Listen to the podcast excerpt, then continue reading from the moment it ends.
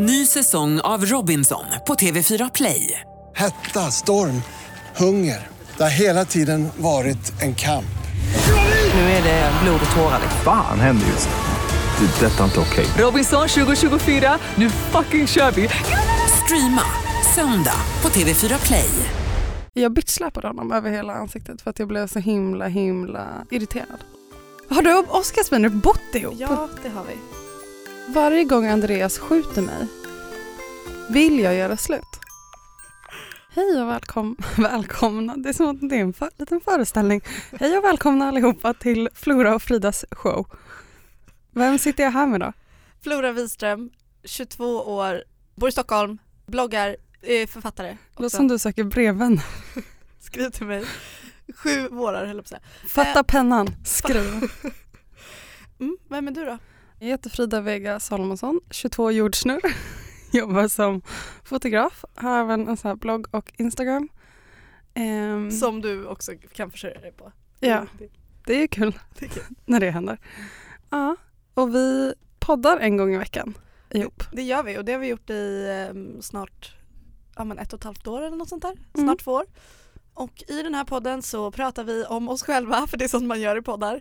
Men också försöker ta upp lite ämnen som eh, fler personer kanske skulle behöva prata om. Exakt, och vi är lite stressade just nu för vi var på en poddworkshop för några dagar sedan och där fick vi lära oss att fokusspannet hos en poddlyssnare är ungefär 15 sekunder innan den bestämmer sig för om den ska slå av eller inte. Så jag känner att jag börjar prata så snabbare och snabbare och snabbare för jag är så himla rädd att tappa folk nu. Ja men nu tror jag att eh, nu är, nu är de kvar liksom. Ja, för nu har jag ju sagt det. Jag har Mm. blottat mig, jag är nervös. Då visar man strupen, då är folk snällare.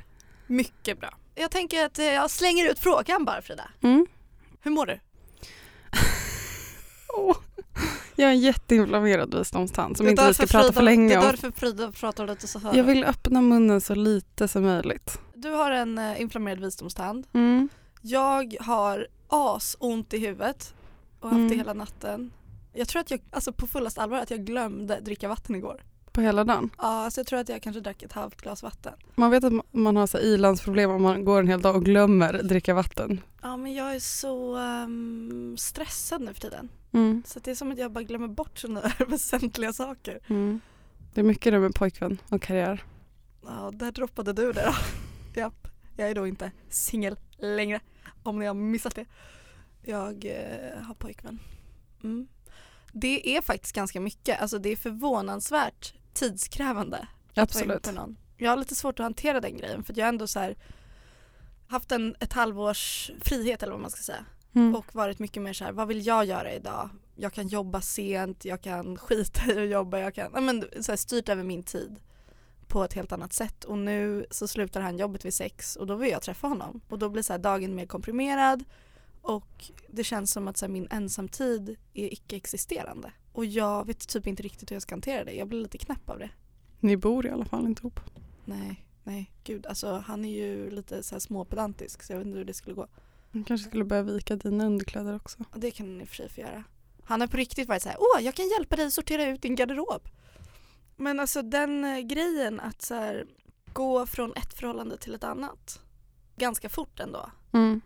Det kanske låter fort, så här, ett halvår, men samtidigt så är det, det här halvåret så har jag så här, verkligen varit i en frigörelseperiod och har ett mycket större behov nu av att så här, rå över min egen tid. Och eh, det var vid ett tillfälle där jag eh, sa till honom, eller jag bjöd inte hem honom fast han var i krokarna typ.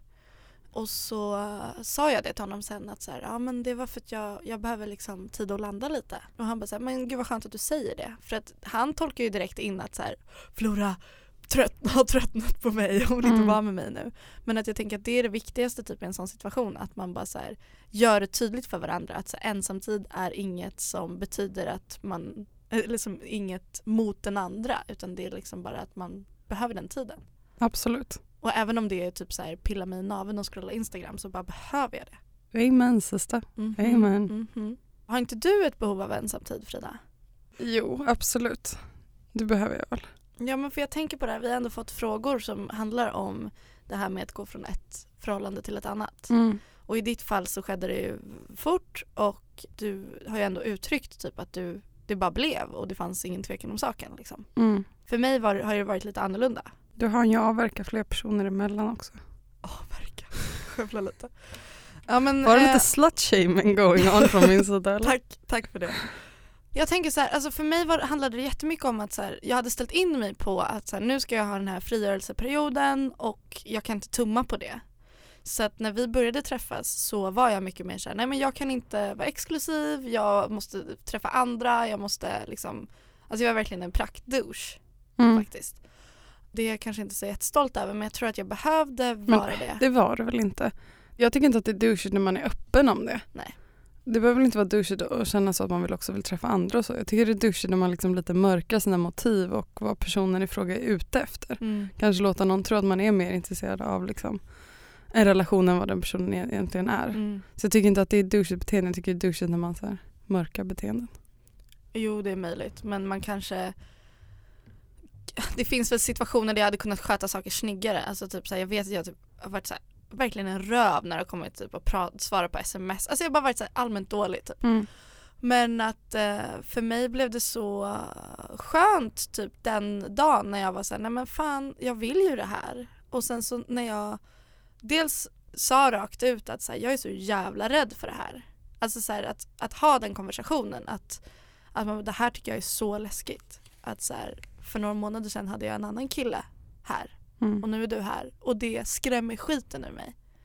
Men i den stunden när jag hade sagt det till gipsad modeman så var det som att jag kunde närma mig mina känslor mer. Mm. Det kan jag verkligen rekommendera. Om det är en så här, det kanske låter banalt men så här, ja, så jävla skönt att bara så här blotta sina rädslor typ. Mm. Men det är en bra grej. Ja, tack. Har du ont i tanden eller? Ja. Alltså jag har fått så fruktansvärt mycket mail. Har du fått alltså, tips om hur du ska bota Nej, dina- bara allmänt mail. Liksom. Ja. I förra podden så pratade vi om fittproblem och liksom när allt inte känns bra i Inte var JJ. Vem är det som säger så? Är det typ Oprah? Ja, jag vet inte. Ja, anyway. Ja, jag har fått så sjukt mycket mail och PMs på Instagram och typ kommentarer. Och det känns som att det bara så var, har funnits liksom ett tryck i att så här, det här typ inte pratas om någonstans. Så man märkte verkligen vilket behov det var. Mm. Och det tyckte jag var så himla, himla fint. Men samtidigt också så himla jobbigt typ. För att ehm, även om jag redan innan kände att så, okej, det är nog inte så bra om jag får tips. För då kommer jag få 15 miljoner mail där det står typ så här, tvätta inte med tvål och lufta. Ja. Eller så kommer det vara massa konstiga tips och så vet man inte ut eller in. Jag har visserligen fått en del tips men jag förstår att det är väldigt välmenat. Men jag insåg kanske inte heller på förhand att personers egna historier också skulle vara jobbigt. Okej. På det sättet att jag berättar så här, okej jag har haft de här problemen i sju månader och jag står vid någon typ av klippavsats redo att hoppa. Och så kommer någon och lägger handen på axeln och bara Jaha shit, ja, jag har samma problem. Fast jag har haft det i tre år, har fått vestibulit och gjort slut med en kille. Alltså då känner man ju bara så här, okej, but I'll jump now, thank you. Och det menar jag absolut inget otrevligt till de som har delat, eh, delat sina erfarenheter och jag känner att det har varit jättefina kommentarsfält där folk har tipsat varandra och typ sådär öppnat så. Ja. Men det var ändå jobbigare än vad jag hade tänkt mig Ja, jäklar. i efterhand liksom, att prata om de här grejerna. Mm. Har du svarat på de här mejlen? Nej, jag har inte svarat på någonting egentligen ännu, varken mejl eller på Instagram eller bloggen och jag ska väl gå igenom det och göra det. Men jag har behövt en, en paus. Mm. Alltså, det har rört upp så himla mycket att läsa igenom det där fram och tillbaka. Men att en oro för att det inte kommer bli bättre på ett tag? Liksom. Eller hur Ja men det är, så, det är ju alltid oskönt att höra någon som bara haft samma problem i typ så här, alltså 15 år. När man Mm. trodde att man var på någon sorts gräns av vad som var medicinskt möjligt. Och folk bara nej nej gumman. Men Det det, är klart att det är de där kommentarerna och mejlen som dels får folk att höra av sig. Alltså det är ju de människorna som hör av sig, det är inte de som bara ja jag hade problem och sen försvann det. Alltså, Mm. Men det är klart att det är de också som man kommer ihåg. Men Ja, du självklart. komma ihåg typ procentuellt hur få personer det är. Alltså, men ändå. Ja. Vi behöver inte prata så mycket om det, men det, jag vill bara ha det nämnt. Ja, men eh, för er som inte lyssnade på förra podden så kan vi rekommendera det för att vi pratar då helt enkelt om svamp i fettan. Och annat också. och annat. Lite andra saker. Frida, har du lyssnat på Honey and the Bees-podden? Ja, Har du lyssnat på avsnitt två? ja. Okej, så här då. Vi var ju på en uh, podd-workshop här på Radio Play härom veckan och träffade några tjejer då som driver den här podden som eh, utgår från Facebookgruppen Honey and the Bees som är en tjejgrupp på Facebook med 65 000 Som följare. jag inte hade koll på innan. Nej, jag har hört om den men jag är inte med den själv. Men de lyfter olika ämnen som tas upp i den här Facebookgruppen. Det kan vara allt från typ hur bli av med mina rakfinnar till typ hedersmord.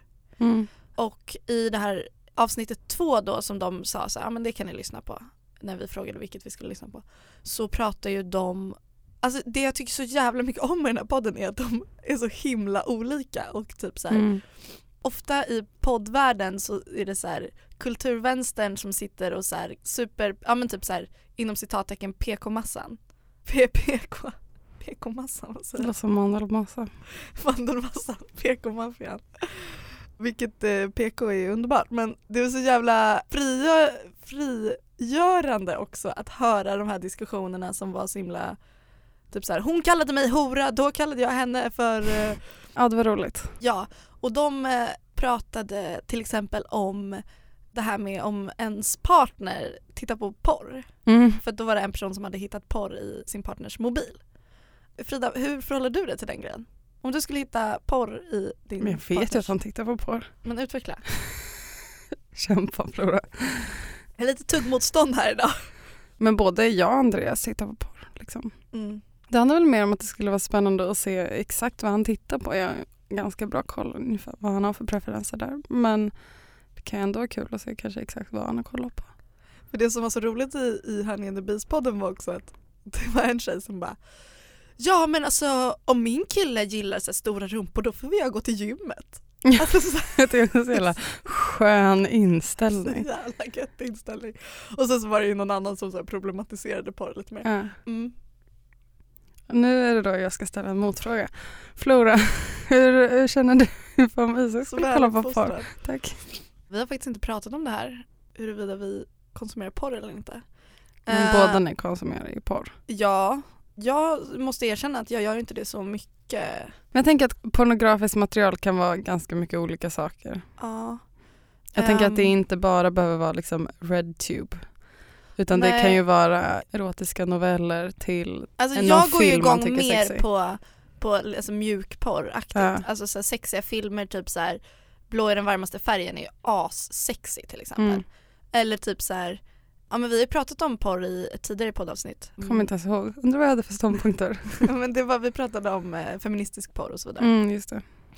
Hur som haver, jag kanske ska undersöka saken med honom. Kan komma fram en del spännande grejer Ja. kanske.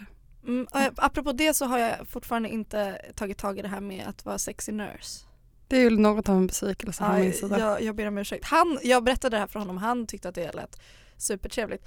Däremot så har vi ju infört en ny grej i vår relation och det är att vi har spakvällar.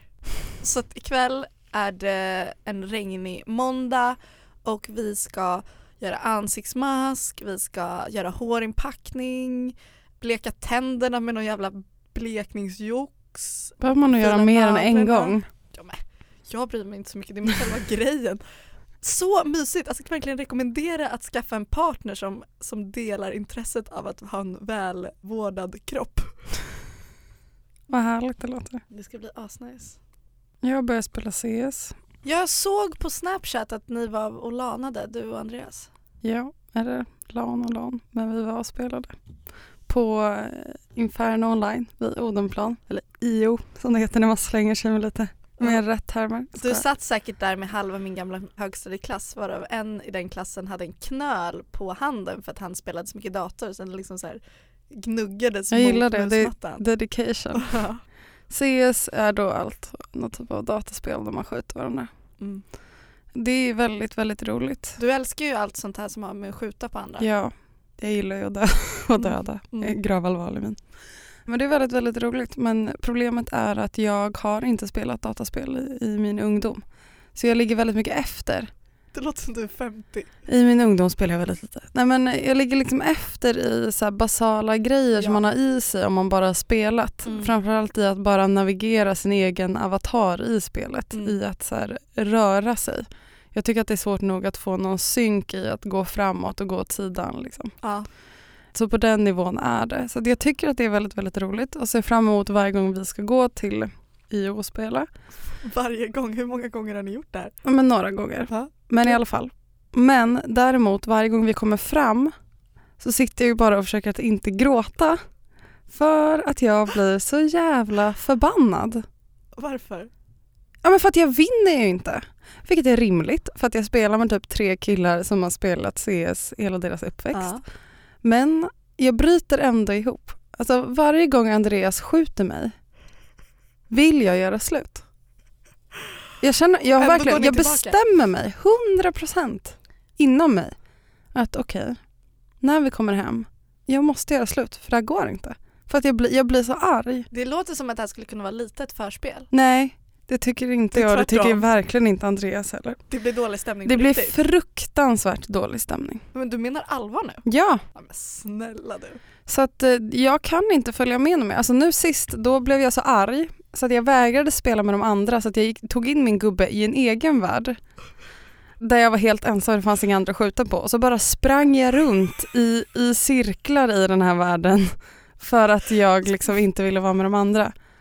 Vad lät tiden gå? Lät tiden gå, det är något typ av treårsbeteende. Men däremot så är Andreas borta nu i veckan och jag och Nim pratar om att vi ska ha lite bootcamp i veckan. Perfect. och försöka liksom gå dit och träna och spela och bli bättre. Men så här har jag haft eh, liksom hela livet ända sedan jag Mm. var liten. Mm, men samma här, jag eh, har ju två äldre bröder och de spelade ganska mycket tv-spel, GTA och sånt där. Och jag satt ju alltid och tittade på så att, Mm. och det tycker jag fortfarande kan vara ganska kul. Men jag har ju ingen som helst kunskap om typ vilken knapp på Xbox-konsolen som är att man hoppar och vilken Mm. som är att man tittar till höger. Alltså jag Eller kan inte sånt där. duckar. Ja men exakt. Och det där är så här grundläggande saker som, så att man blir helt stukad när man väl ska börja. Ja. Eller typ om man ska köra så bilspel, alltså på fullaste allvar så kan man inte jag köra rakt jag fram. kör mycket mer på vattnet än vad jag kör på land med bil. Ja. Verkligen. Och det, det är så himla tråkigt. Ja, jag önskar att eh, mina brorsor hade kanske varit lite mer inbjudande där men eh, Ja, men dels spel men sen tror jag så att tävlingsmänniskor i allmänhet. Alltså när jag, gick, jag tävlade väldigt mycket i typ så här friidrottssimning när jag gick på mellanstadiet och då var mitt motto, alltså när jag var liten, tvåan är den första förloraren. Det vill säga att fan vilken hemsk unge. det är ettan som vinner och sen tvåan är den första förloraren som blir trean den andra förloraren och så vidare. Och så vidare. Och det är väldigt, väldigt deppigt. Ja. Och på det här temat så spelade vi Laserdome för eh, några veckor sedan. Ja. Också väldigt, väldigt roligt. Bara Laserdome- du får gå runt med ett vapen så Bara jag får skjuta folk så, så är jag öppen för de flesta Mm. aktiviteter. Då har man liksom vapen, eller man har inte vapen, man har en typ av plastgrej som ska se ut som ett vapen som skjuter någon typ av stråle. Och så kan man skjuta på folk och så får man poäng. Mm. Väldigt roligt. Men i det här spelet så var det då någon kille som ville skjuta på mig, tycker jag i alla fall, lite för mycket.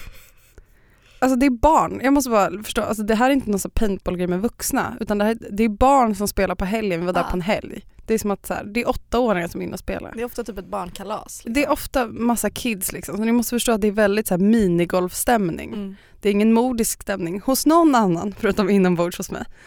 Och då var det någon kille, han var inte heller så gammal, han kanske var lika gammal som mig då, max liksom. Men det slutade i alla fall med att jag slog honom i ansiktet. Frida, vem är du? Jag bitchsläpade honom över hela ansiktet för att jag blev så himla himla irriterad. Och sen kom det fram att det här var Justin Bieber. Åh, om det ändå hade varit. Men det var inte det. Men nu kan vi gå vidare, det var allt jag hade på det. Men jag kan säga, apropå det här med tävlingssinnet, jag har ju eh, ganska grova kontrollbehov. Och eh, tycker om, är alltid den som läser kartor till exempel när man reser någonstans eller antar ofta den uppgiften och folk ger den till mig också. Och jag gillar att springa och jag gillar att vara ute i naturen. Varför har jag aldrig hållit på med orientering? Kan någon, om det finns en amatörorienteringsgrupp i Stockholmsområdet, kan någon höra av sig till mig då och eh, bjuda med mig? För att det här tror jag skulle kunna bli Du min har ju nästa verkligen orienterat karriär. i skolan. Ja men då, då hatade jag det. Jag hatade allt som hade med att röra på sig. Jag ville bara sitta ner och känna på mina nyrakade ben. Praise! Mm. Så att, hör av er till mig om ni vet det här. Gipsad modeman Mm. Frida gav mig en blick nu. Så här, prata inte om honom igen. Jo, jo, jo. Ehm, som är personen som jag då är ihop med numera. Tack för att du förtydligar. Ja, men alltså, ja, det är så jävla sjuk grej. Han kommer få en skaldjursplatå av sin bästa kompis Moa. Mm. För att de har en deal. Att om man som vän introducerar sin kompis då till en eventuell ny partner så får man en skaldjursplatå som tack. Så att när eh, Gipsad Modeman introducerade Moa för hennes nuvarande kille så när de blev ihop då så gav hon honom en Gipsad Modeman en skaldjursplatå. Vart ifrån kommer skaldjursplatån? Eh, Då från en restaurang. Mm. Mm.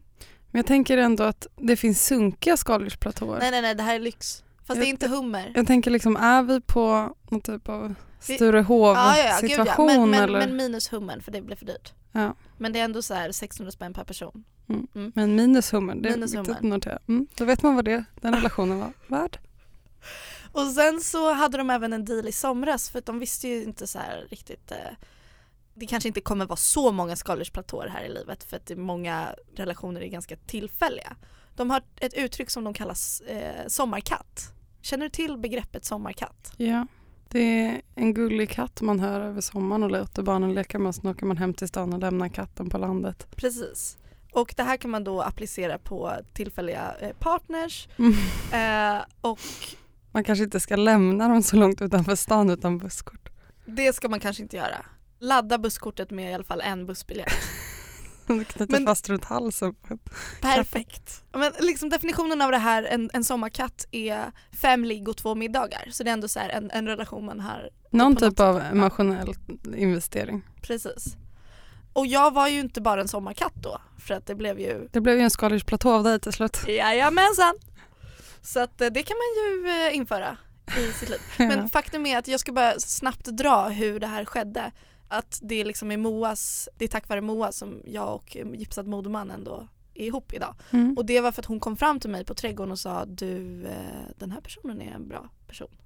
Och det var bara det som krävdes för att jag skulle bara okej de är bästa kompisar, de har pratat om mig, okej game. Hade du och Gipsad Modeman pratat med varandra innan den här Moa kom fram? Ja alltså han hade likat mina bilder på Instagram och vi hade träffats typ i jobbsammanhang. Mm. Men jag började märka att han började lika mina bilder, Mm. den grejen. Mm. And the rest is history. Det var någon som ville prata om Tinder. Tinder, Flora! Jajamensan! Ni träffades inte ens på Tinder. Nej, ska... Alltså han har sagt att jag aldrig kom upp på Tinder men om jag ska vara ärlig så tror jag typ att jag swipade bort honom på Tinder. Därför Förlåt. du aldrig kom upp hos... Ja förlåt, alltså jag vet inte varför jag gjorde det. Jag tror att det var bara jag hade en weak moment men jag ångrar ju det. Skitsamma, Ibland slinter man ju på fingrarna när man swipar. vi säger att det var att jag slant. Jag tog faktiskt bort min Tinder för kanske en månad sedan och det var när, när Gipsad Modeman satt bredvid mig och bara jaha du har Tinder kvar och jag bara tog bort det som ett Mm. statement och då konstaterade vi att det är så här, vår generations här, statement att bara, nu är vi exklusiva, nu, nu är det du och jag, det är att man Mm. tar bort Tinder liksom. Gud vad det verkligen, verkligen är så. Jag och Andreas blev ju, är ju inte ihop på Facebook. När man var yngre så tyckte jag så här, vi blir ihop på Facebook typ. Ja, Men nu blir man ju inte alltid det. Det känns som ett så himla så här wow, wow. Eller det känns som så himla poserande liksom. Ja, jag håller med. Så att nu kanske det är när man tar bort eh, Tinder. Och när man lägger upp Appen. den första bilden på Instagram typ på den andra personen. Här pratar vi. Verkligen. Alltså när man lägger upp första bilden på den andra personen, även om det är lite casual att någon bara syns lite, så är det någon typ av så här Mm. offentliggörande. Ja, jag kommer ihåg att jag var helt nervös första gången jag la upp en bild på min kille. Mm. Men det är ju härligt. Hur länge hade du Tinder? En vecka typ. En vecka? Ja. Vad var ditt åldersspann till att börja med? Det kommer jag verkligen inte ihåg men det var nog ganska brett tror jag. Eller jag tror kanske ett år yngre och eh, sen ganska mycket uppåt. Ja, jag tror att jag hade till 31 typ. Mm, jag hade nog ålder. inte mer men jag kanske hade 21 till, eller kanske 21 till 28 typ. Men det är så sånt. uppenbart vilka det är som är typ 21. Alltså, innan man ens har sett siffran så är det så här. Mm. Jag ha- hade bara min egen ålder, eller så jag hade 22. För att jag tänkte att det är kul att ramla på folk man är bekant med. Mm. Men det gör ju också att man får hundratals jobbiga 22-åringar som man inte vill se. Och 23-åringar, 24-åringar, Ja, 25-åringar. det med men det, det händer ändå ganska mycket på två år. Alltså sorry to say men det gör faktiskt det. Ja, men jag skulle inte vilja säga att ålder är någon typ av garanti för mognad eller typ så här Nej, intellekt på snälla. Tinder. Nej men nu snackar vi om typ så här kroppsbehåring kanske möjligtvis. Ja, du menar att Om de har killar som kommit till skulle vara äldre, målbrottet eller inte. Ja, du menar att du vill att killar ska ha kroppsbehåring? Ja. Ja, för att de ska ha kommit in i puberteten. Ja, det, det vore praktiskt. Könsmogna vill jag att de ska vara. Men det är väl när de är tjugo. Ja, jag skojar ju. Men Prata om tips om Tinder hur man får det att funka helt enkelt. Ja. ja. Ja. Och då tycker jag att man inte, då ska man inte hålla på eh, snabbt och effektivt in och ut. Tinder är liksom en plats där man kan hitta personer men det är ingen typ av garanti att det ska bli någonting med de här personerna. nej men med det sagt så är det ju väldigt många man känner som har blivit ihop. Ja, ja, ja, absolut. Men jag menar att här, eh, nu kommer inte ens jag ihåg vad jag sa för 50 sekunder sedan. In och ut. Ja, men jo, men in och ut. Jag träffade ju på sätt och vis Andreas liksom, via Tinder. Eller det var så att vi hade matchat men inte skrivit till varandra. Sen kom han upp till mig på en fest och sa att vi hade matchat och så var han lite gullig. Jag tror att man ska lägga så lite tid på Tinder som möjligt. Med det sagt menar jag att så här, säg att du matchar med någon som du är intresserad av. Då tycker jag att man ganska fort ska fråga om den personen vill ta en öl eller vart den ska ut på fredag. Så kanske man råkar hamna på samma ställe. Alltså Ja. Jag menar att man inte ska sitta och chatta på Tinder och skicka de här GIF-emojisarna till varandra. Nej och det tror jag att man, när man är så ny på Tinder som jag var, jag har ju så här, det är den här klassiska saken när man har varit i ett långt förhållande att man typ lånar sina vänners telefoner och bara "Åh, kan inte jag få Tindra? För det är som ett mobilspel med. Mm. Jag märkte det att första veckorna med Tinder så swipade jag så extremt många och alltså jag la mycket tid på Tinder och chattade också mycket. Men det man märker med folk när man pratar om Tinder är här, om man har varit singel en längre tid då är det ingen som orkar bemöda sig med den där Mm. skiten. Och därför är det verkligen mer effektivt som du säger att bara säga hej du verkar nice, vill du ses och ta en öl? Jag tror ett, var tydlig med vad man vill få ut av det. Till exempel genom ens eh, profil. Alltså skriv, alltså jag vill knulla. Nej men typ så här, ändå typ så här, antingen så är man väl inne för att man vill hitta folk och typ ragga på och ligga med. Eller så är man väl inne för att man kanske är ute efter något seriöst eller så är man öppen för båda snälla delarna. du, det är inte som att man skulle skriva hej jag söker kärleken. Nej, nej man gör inte det. Nej men man Det- kan ändå på något sätt begära liksom på något sätt. Jag tror att på min Tinder-profil stod det typ superlikes och kava annars får det vara. Och det är väl någon typ av indikation på att man så här, jag begär lite av dig. Ja. Så du får hosta upp en av dina superlikes och du får vara beredd att köpa kava. Mhm. Annars får det vara. Ja men det tyckte jag var, det var bra. Jag tror att min var relativt härlig skrivare att ha mig. Och jag såg glad ut på min första bild. Det gjorde jag absolut inte. Nej, det, det är givet att du inte gjorde. Men min nästa bild såg jag cool och seriös och sexig ut. Och sen såg jag glad ut och rolig ut. Mm. Alltså så här, jag tror också bild på att typ. det ligger mycket i komponeringen av bilder. Som vi alla vet ska det finnas en snygg bild, en sexig bild, En en, liten så här skön bild, helkroppen, helkroppsbilden för att få någon typ av uppfattning om hur ens kropp ser ut.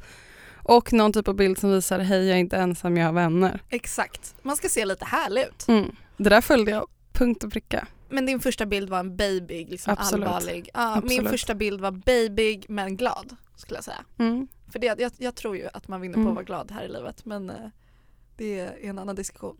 Okej men vilka personers, alltså vad var det värsta du kunde få upp i ditt flöde då? Alltså ni- 99,9% är ju förjävligt liksom.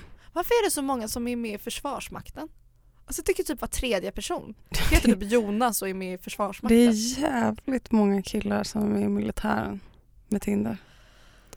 Det är väl kanske för att de sitter där och är ensamma och Ja eller så är det så att det är väldigt många som är med med i militären men att man kanske inom ens umgänge bara liksom inte kommer i kontakt så mycket med. alltså sorry det där går helt bort för mig. Jag tycker att det är lite Ja, sexigt jag med uniformen. det det. Det måste jag få säga att jag Väldigt tycker. många är i så vaktkläder också. Det är lite nurse. Nej alltså det går mig. helt bort. Det värsta tycker jag är när det står så här ankläppar går bort. Eller så här, när de ska så här, säga så, så här dissar. Ja, ja.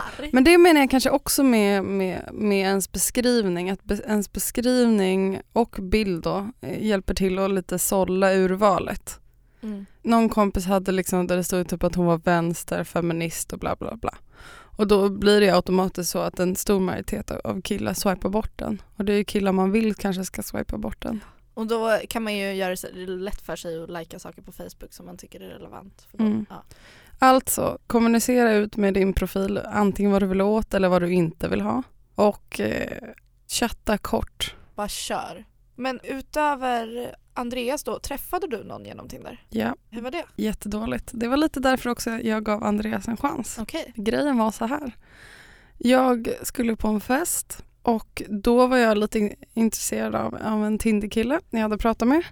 Så då bjöd jag in honom till den festen och han tog med några kompisar. Så då träffade jag honom på den festen och han var jätte, jätteblyg. Jag kunde liksom inte avgöra om han var intresserad eller inte för han var liksom typ intresserad men han så här vågade typ inte prata. Han verkade väldigt, väldigt blyg helt enkelt. Och då blev jag irriterad och gav upp på honom och var lite frustrerad för jag var men ikväll vill jag ver- verkligen hångla. Och så dök Andreas upp. Och då var jag liksom Mm. mer, då gick jag på det spåret på en gång även Ja. om jag liksom inte var helt golvad av vad jag såg framför mig. Så Andreas har den här andra snubben att tacka lite? Andreas fick en chans på grund av att jag var så jävla... Skaldjursplatå till honom? Verkligen. Verkligen. Jag var bara så himla hångelsugen och då plockade jag Andreas för det var det, han kom fram och kändes jävligt villig bara. Mm. Våt och villig. Mm, exakt, så då plockade jag honom och sen så insåg jag att han var ju ganska trevlig liksom. Mycket bra. Mm. Jag är för Tinder. Ja, absolut.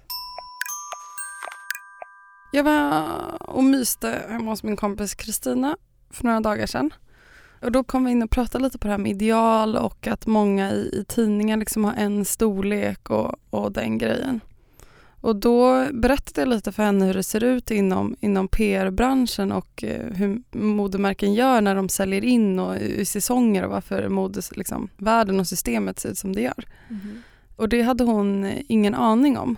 Och det tror jag att man kanske inte har någon aning om om man inte är i den svängen. Utveckla. Först vill jag säga att eh, liksom hela modeindustrin har så jävla mycket brister och är liksom fel in, in i core på något sätt, på många sätt.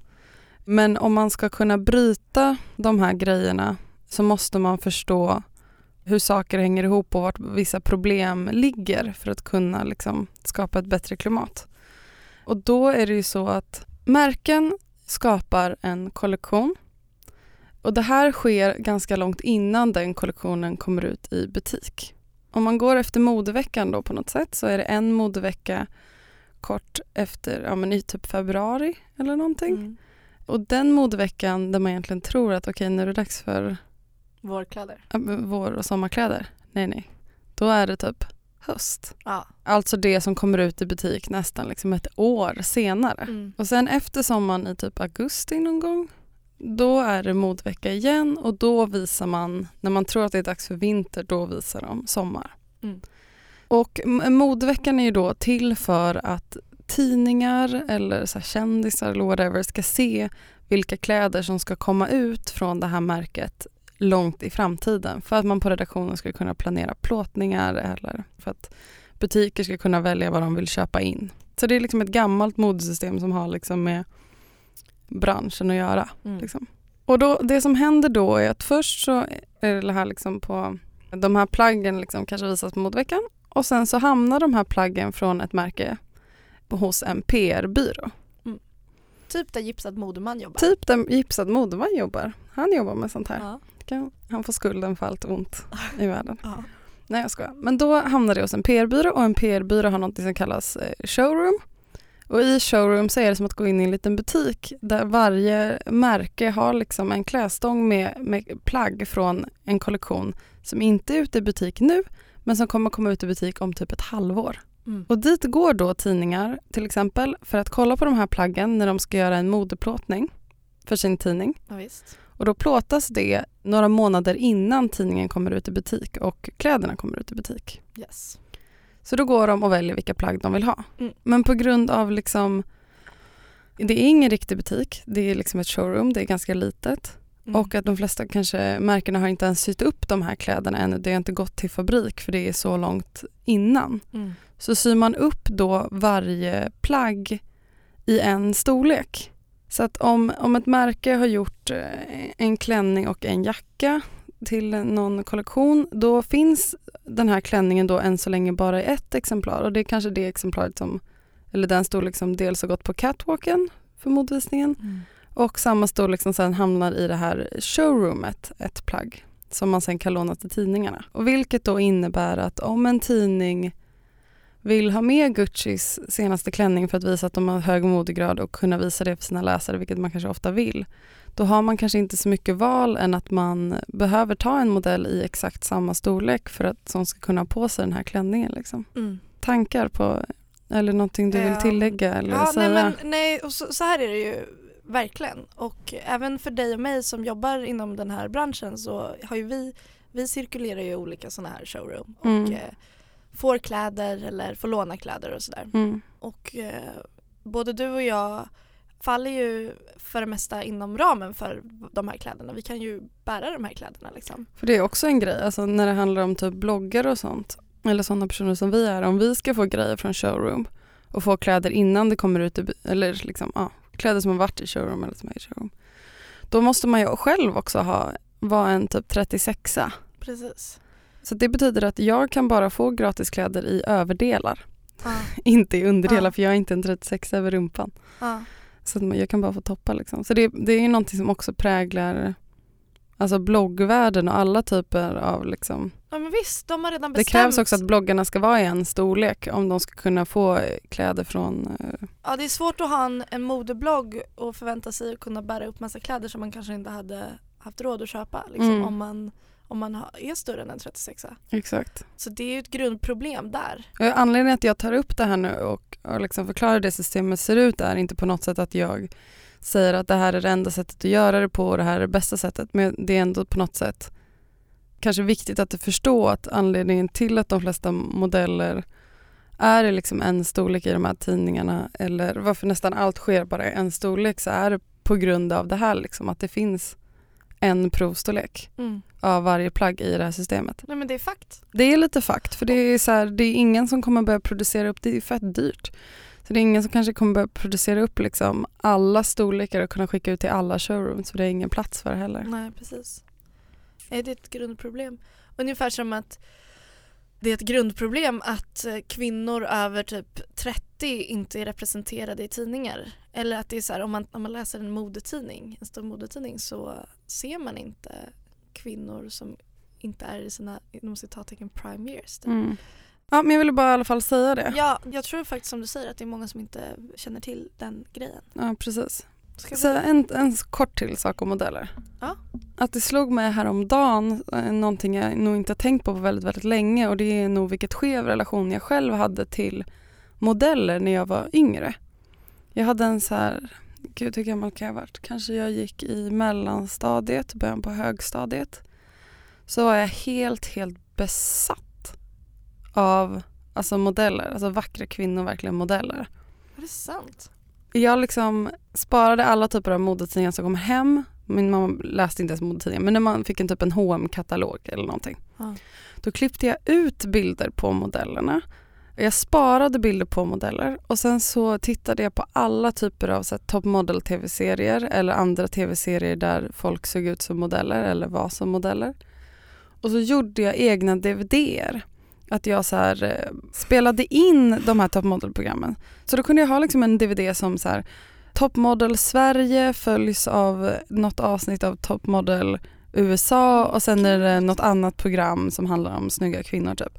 Och så gjorde jag egna framsidor från de här ursaxade bilderna på modeller Ja. som jag liksom klistrade fram på. Det här är grunden till ditt yrke idag liksom. Gud, det vet jag inte många säger. Grunden till skev kroppsuppfattning. Ja, så kan det ju vara. Och då hade jag liksom de här dvd som jag såg om och om igen liksom på de här eh, modellerna. Men gud, att du höll på med det. Min enda närhet till modeller det var att min före detta styvbror som man kan ju ha när ens Mm. föräldrar skiljer sig och sådär. Min före detta styvbror heter Oskar Spendrup och är eh, supermodell. Nej, du skämtar. Ja, men snälla du, vi var syskon i tio år. Han är så jävla snygg. Ja, det är kul att han är det. Så roligt. Jag hade sett honom i det här modellpojkar typ. Ja. Och så när jag var Gud vad du ser glad ut nu, det är helt sjukt. Ja, för det var så himla obehagligt. När jag var tillsammans med Matthew, det här var kanske två år sedan, så hade jag sett det där modellpojkar. Så var vi på väg hem längs Norrtullsgatan. Och då ser jag att Oskar Spenderup kommer gåendes med typ två kompisar. Han var lite småkänd då för att han precis varit med i den här tv-serien. Mm. Man visste vem man var liksom. Mm. Så gick han och så hade han en stor, stor trumma i, i armarna. Och jag bara ser honom och gud shit vad snygg han är, typ bara så här ska gå förbi. Matthew är skitfull, stannar upp och börjar så här dudum, dudum, dudum, dudum. Börjar trumma på Jag hans tror att Oscar trumma. det. Oscar, jag kände så här, helvete nu gör. Matthew bort mig för min Nej, framtida nej. man här. Nej, Oscar Spendrup älskade det här. Det är klart han gjorde. De började jamma. Det är klart de började på det är hela min tonårstid, olika jam sessions. Har du Eh, och Oscar Spendrup bott ihop? Ja, det har vi. Alltså vi, min, hans mamma var ihop med min pappa i tio år. Han brukade... Sånt här ska komma tidigare i podden Flora. Det här är sånt som gör att folk orkar lyssna, inte nu när alla stängt av. Han eh, brukade, liksom, jag kanske var 13 och han, han gillade verkligen mina tjejkompisar. Alltså han gillade verkligen mina tjejkompisar. Så att om jag hade så här bastukväll, vilket jag hade ibland. Ville alla dina tjejkompisar komma hem till dig för att de ville kolla på honom? Eh, mycket möjligt. Det var som en liten, ja de ville titta på honom ungefär som man vill titta på en gullig kattunge. Bra liknelse. Alltså jag minns speciellt när han raggade på min kusin Paulina genom att så här, vi stod i bastun och vi var alltså 13 bast och han så här, tappade handduken framför henne och bara oops. Visa en kuken för henne. Men alltså, gud jag outar honom nu men alltså det här... Ehm, ehm, ja.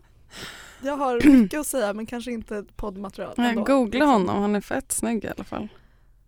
Ja. Mm. Okej, med dessa ord och min blåsa som håller på att sprängas så säger vi hej då för den här gången Ja, och vi har bytt plattform och lite sånt där. eh, till Radio Play. till Radio Play. Så ibland kan det vara lite svårt att få avsnitten i tid och de hittar inte rätt till olika appar och bla bla. Och då vill vi bara säga att det bästa sättet är att man får dem via Podcaster, iTunes-appen. Så att Precis. prenumerera på podden där.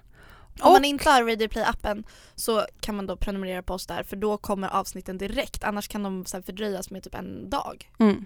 Oh no! Och så vill vi kanske damma av ett, ett gammalt eh, segment i podden. Vilket då? Hashtag. Ja, just det! För det är någonting vi har saknat som vi hade lite där i början och det är alltså att vi har en hashtag som heter FloraFrida och lägg upp en bild där, tagga, kanske för att du tycker att vi har sagt något bra, kanske för att du tycker vi har sagt något dåligt, kanske för att du vill visa vad du gör när du lyssnar. Och då går vi igenom det här tills nästa gång och ger lite shout-outs. Här kommer eh, tre shoutouts. Ja, kör. Lo.Hanna har lagt upp en asgullig katt. Fy fan vad gullig. Fett mys, yo. Marika Morujärvi har eh, lyssnat på oss när det regnade och det ser väldigt mysigt ut. Vi har även Torril Blix som verkar vara norsk eller något. Och vad härligt att vi, folk i Norge lyssnar på oss. Tack för att ni lyssnar. Hej då. Puss!